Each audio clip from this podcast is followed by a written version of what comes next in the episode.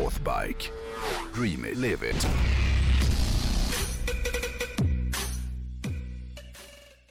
Kommer du ihåg eh, när jag för några veckor sedan berättade om han polacken Mark Suslik, a.k.a. Ja. The White Wolf, som gillade Ja. att köra hoj på vintern ju.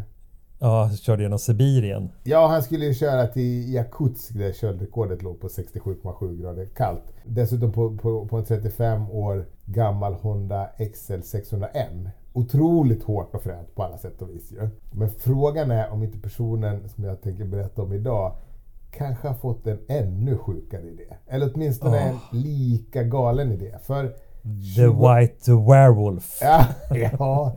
Nej. 2001 så fick en holländsk snubbe som heter Jack Lucasen en briljant idé. När han gick på tjack. Nej, jag vet inte hur man uttalar det. Det stavas S-J-A-A-K. Sjack kanske. Sjack. Sjack. Sjack. Ja. Nej men hur som helst så fick han, han fick nämligen för sig att han, att han eh, skulle försöka ta sin Yamaha R1 och köra till Nordpolen. Alltså, sp- supersporthoj alltså. Ja, exakt. Till Nordpolen? Så Nordpolen? Ja. Det skulle jag Är det ens se. fysiskt möjligt att köra sporthoj till Nordpolen? Ja, men det är en hoj, den har ju ingenting gemensamt med liksom en BMW GS. eh, Mer än att den har två hjul åt styret. För det här är ju liksom en fullblods-sporthoj. Det är motsatsen till en äventyrshoj. Men det tyckte, tyckte då Tjack att det här var en mindre petitess. För, för han har någon idé om att den säkert kommer att klara av att köras då på polarisen uppe vid Nordpolen bland isbjörnar och skit. Han har alltså inte genomfört den här resan än. Och det beror på att pandemin satte käppar i hjulet för det här projektet. För tanken var att han, att han skulle ha begett sig iväg förra året redan. Men så fort han får grön flagg då så, så kommer han att, bege sig iväg. Men den här historien är ändå intressant för bara hans förberedelser inför den här resan är ett större äventyr än vad, vad de allra flesta vågar sig på. För Jack Lucasen då, han, han har drömt om den här resan i 20 år. Och, och han har ägnat flera år åt att förbereda sig genom att träna och planera och bygga. Tanken är alltså att han ska köra från USA till Nordpolen utan assistans då, eller hjälp överhuvudtaget. Och målet är alltså att köra till den här platsen på jordklotet som ligger på noll grader. Det vill säga Ja. där allting ligger söderut. Toppen på, på jordklotet om man säger så. Ah, ja, top of the world. Ja, men, men för att komma dit då så har han delat upp den här resan i tre steg. Eller fyra steg kanske man ska säga. För att det första steget det var att som sagt börja träna för den här resan. Och 2013 så körde han därför 9977 mil på sin R1 från USAs allra nordligaste punkt ner till USAs sydligaste punkt. Det, det är ju en lika jobbig resa på något sätt. Nej, Nej, det är ingenting man bara gör sådär. Speciellt inte på en Det R1. är, vi, ska, vi, ska, vi, ska, vi ska åka till månen. Därför förbereder vi oss genom att åka till Mars. Ja, lite så. ja. men för att klara av den här testresan då, då behövde han ju först korsa isen uppe vid Beaufort-havet. Aha. Och, och, och för att göra eh, det här extra krångligt då så bestämde han sig för att göra det här utan stödskidor och han skulle heller inte eh, ta hjälp av någon på vägen. Då. Men det han lärde sig eh, på den här första resan var att han, han hade ganska mycket planerande kvar att göra innan han kunde ta sig an det här stora äventyret. Då. N- När han gav sig iväg på den här testresan då tänkte han att ah, han kanske skulle behöva ägna ungefär ett år till för att förbereda sig och hojen för de strapatser som den här riktiga resan till Nordpolen skulle bjuda på. Men efter testresan då, så insåg han att det skulle krävas mycket, mycket mer planering. Och han fortsatte att modifiera hojen och planera. Och det skulle ta hela sex år till av förberedelser innan han började bli klar att, att ge, sig, se, ge sig av. Då. Fan. Man tänker sig så här, hur, hur ser de förberedelserna ut? Ja, Du, du går in i din kartapp och, och lägger upp liksom lite kartnålar. Men, men är det sex år av att han måste träna bort 30 kilo vikt? Och, Nej, det var mer vad liksom-? Nej men det var mer så att till att börja med så insåg han att han, han behövde bygga om hojen nästan från scratch. För det största problemet var däcken och kylningen till motorn. Och att få balans i hojen. För det glömde jag säga, han har ju även en gigantisk släde bakom hojen då, som innehöll allt som han behövde ha med sig för att klara det här. Men däcken var hur som helst prio ett då. För att lösa det här så, så skulle... Ja, det, det visade sig vara väldigt, väldigt krångligt.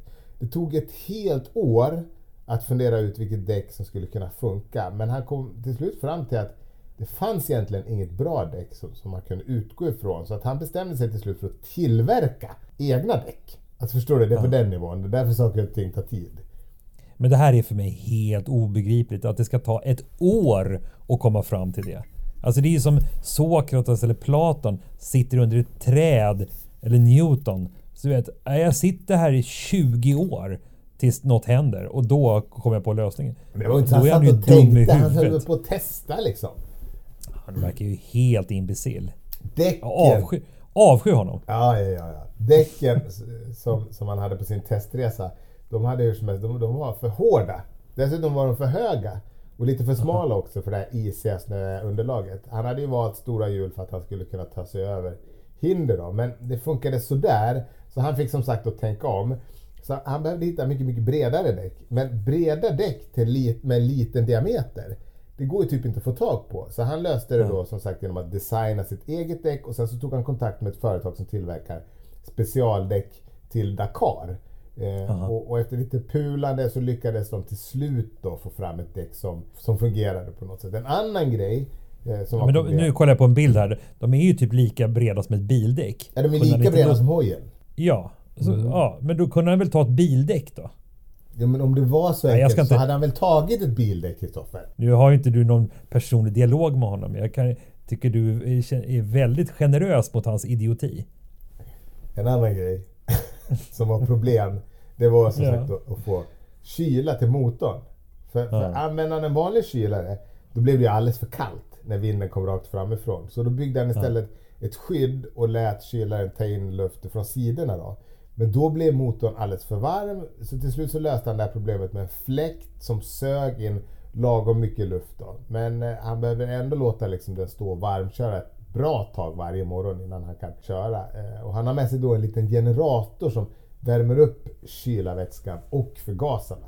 Eh, det är liksom uppåt 40-50 grader kallt där uppe. Så att det går liksom, och en R1 är ju inte gjord för det här på något sätt. Han har ju som sagt även en släde då på släp bakom hojen. Och på den här testresan då hade han byggt en, en egen stor vagn eller släde som man både kunde sova i men som också rymde då allt som man behövde ha med sig. Men den blev alldeles för tung.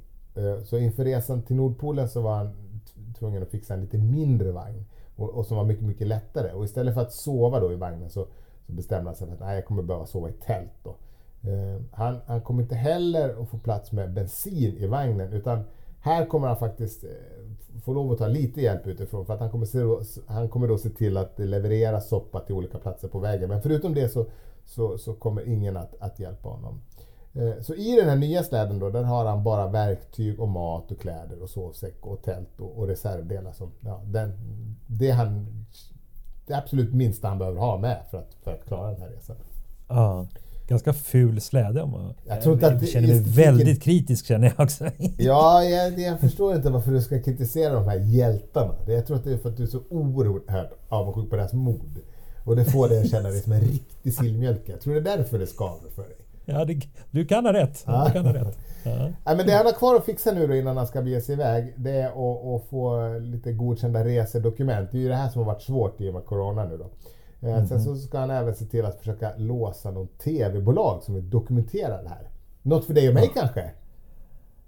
Nej. Hade han åkt ner till Miami, då hade jag hakat på. Till Brasilien? Ja. Ja. Ja, men sen så vill han då även att Guinness rekordbok ska vara inkopplade så att det blir någon form av officiellt Guinness-rekord. Och det här vittnar ju om att här, den här personen är lite äldre. Jag tror att han är född 61. För ingen Ja. under 30 bryr sig väl idag om han kommer med i Guinness rekordbok eller inte. Men det är tydligen Nej. viktigt för, för Chuck.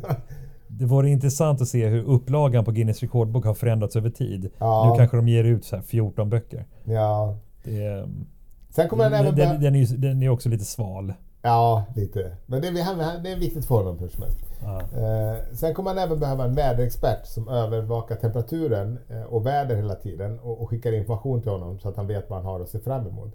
Faktum är att han vill att det ska vara kallt. Helst under 40 grader. För ju kallare det är ju mindre risken att han stöter på öppet vatten. För man ska komma ihåg att det är ju is han kör på. Ah. I och, med, och i och med den här globala uppvärmningen så, så kan det faktiskt bli så att på vissa ställen så, så är det inte kallt nog. Och går du igenom isen med en R1 med en släde bakom, då är det ju godnatt. Då, då är det ju slut. Liksom. Ja. Sen har vi även isbjörnarna då som ett seriöst problem. Och exakt vad han har tagit, vidtagit för åtgärder för, för att skydda sig mot dem, det har jag ingen aning om. Men det har han säkert tänkt på. Eller inte. Vi lär bli varse. Eh, Alltså, så- den stora frågan är ju, kommer han ha med sig en kiropraktor? Ja, du menar att, att sitta på en R1 när är framåtlutad så länge kan bli ett problem? Jo men då tittar man på, på sporthojlopp. Ja, De, de ligger ju ner och Ja. kör. Och det enda som är i 90 graders vinkel det är ju nacken för att kunna se framåt.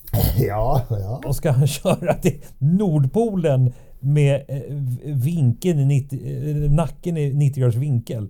Det, han kommer ju ha oerhört ont i nacken. ja. Det har han säkert inte tänkt på. Det, det, det, var därför det inte gick. Kanske. Han har nog tränat sex upp år. nacken. För det man ska veta... Han har sån här Tyson-nacke. Ja, men precis. Ja, men, så han är mer eller mindre klar att ge sig iväg. Eh, Och han kommer dela upp den här resan i tre steg. För det är omöjligt att köra den liksom i ett svep. Eh, Och Ja. planen ser ut så här då. Att först så kör han steg ett som är att köra från Anchorage i Alaska till Tuktoyaktuk i Kanada. Och det är ungefär 170 mil. Och, och den här sträckan kommer att ge Jack chansen att liksom vänja sig vid hojen, träna upp nacken kanske då som sagt. Eh, Och, och vänja sig med klimatet och eventuellt göra lite justeringar på hojen då om det skulle behövas. Steg två, eh, det går då från det här Tuktoyaktuk eh, till Wardhunt Island. Och det är cirka 240 mil. Och det är nu det börjar bli tufft på riktigt. För den här sträckan är ju helt täckt av is. Som dessutom rör på sig ibland. Så, så isen trycker ihop sig ibland. Och, och då kan han liksom tvingas ta sig över istoppar som kan bli lika höga som ett hus. Det är lite som sanddyner fast istället för, för sand och så är det is. Fan ah, vad läskigt. Ja, och om det inte går att köra runt de här, då kommer han behöva vincha hojen och all utrustning över den här skiten. Då. Ah. Ja, och, och här behöver han också hitta någon lokal förmåga som kan guida honom genom den här livsfarliga labyrinten av, av is. Då. Och sen står... Hör, man hör ju att det här kommer gå åt helvete. Ja, man, är, man är inte hundra på att det här kommer att, att gå bra, Nej. känner man. Steg tre går då sen mellan Ward Hunt Island och slutligen då till Nordpolen. Och här är det väldigt sketchy, för här kan han verkligen råka ut för, för det jag snackade om tidigare, nämligen att på vissa platser så, så kan det faktiskt vara öppet vatten. Dessutom så är det ju så att i och med att is förändras, så, så förutsättningarna förändras från dag till dag, vilket gör att det, det är väldigt farligt att resa om man inte vet vad man håller på med. Och frågan är ju om man, om man gör det. Men vi, vi lär väl bli va- varse. Jack Lucasen, han är hur som helst ingen duvunge och jag tror att han har tränat upp nacken. För förutom sitt testäventyr från USAs norra till södra spets då, så har han även kört sin R1 runt hela jorden. Och kört den här hojen på platser där man oftast bara möter GS och, och KTM Adventure-hojar. Så, så han har liksom krigat sig igenom både Sydamerikas djungler med sin hoj och Afrikas öknar då. Så att eh, han är van Oj, med strapatser. Mm.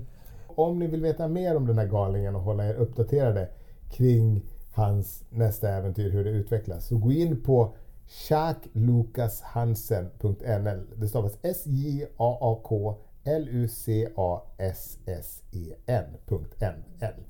Eh, Och om ni funderar på att ge er ut på ett, något liknande sinnessjukt äventyr, så, så gör inte det innan ni har kontaktat Northbike. För de kan hjälpa er med allt ifrån att välja en lämplig hoj kanske. eh, Men Ja, de har även varma vantar har de där också. Varma vantar och korv bjuder de ju på också, apropå det Ja. vi pratade om tidigare. Ja, men de har ju också all utrustning som, som ett sånt här äventyr kräver. Då.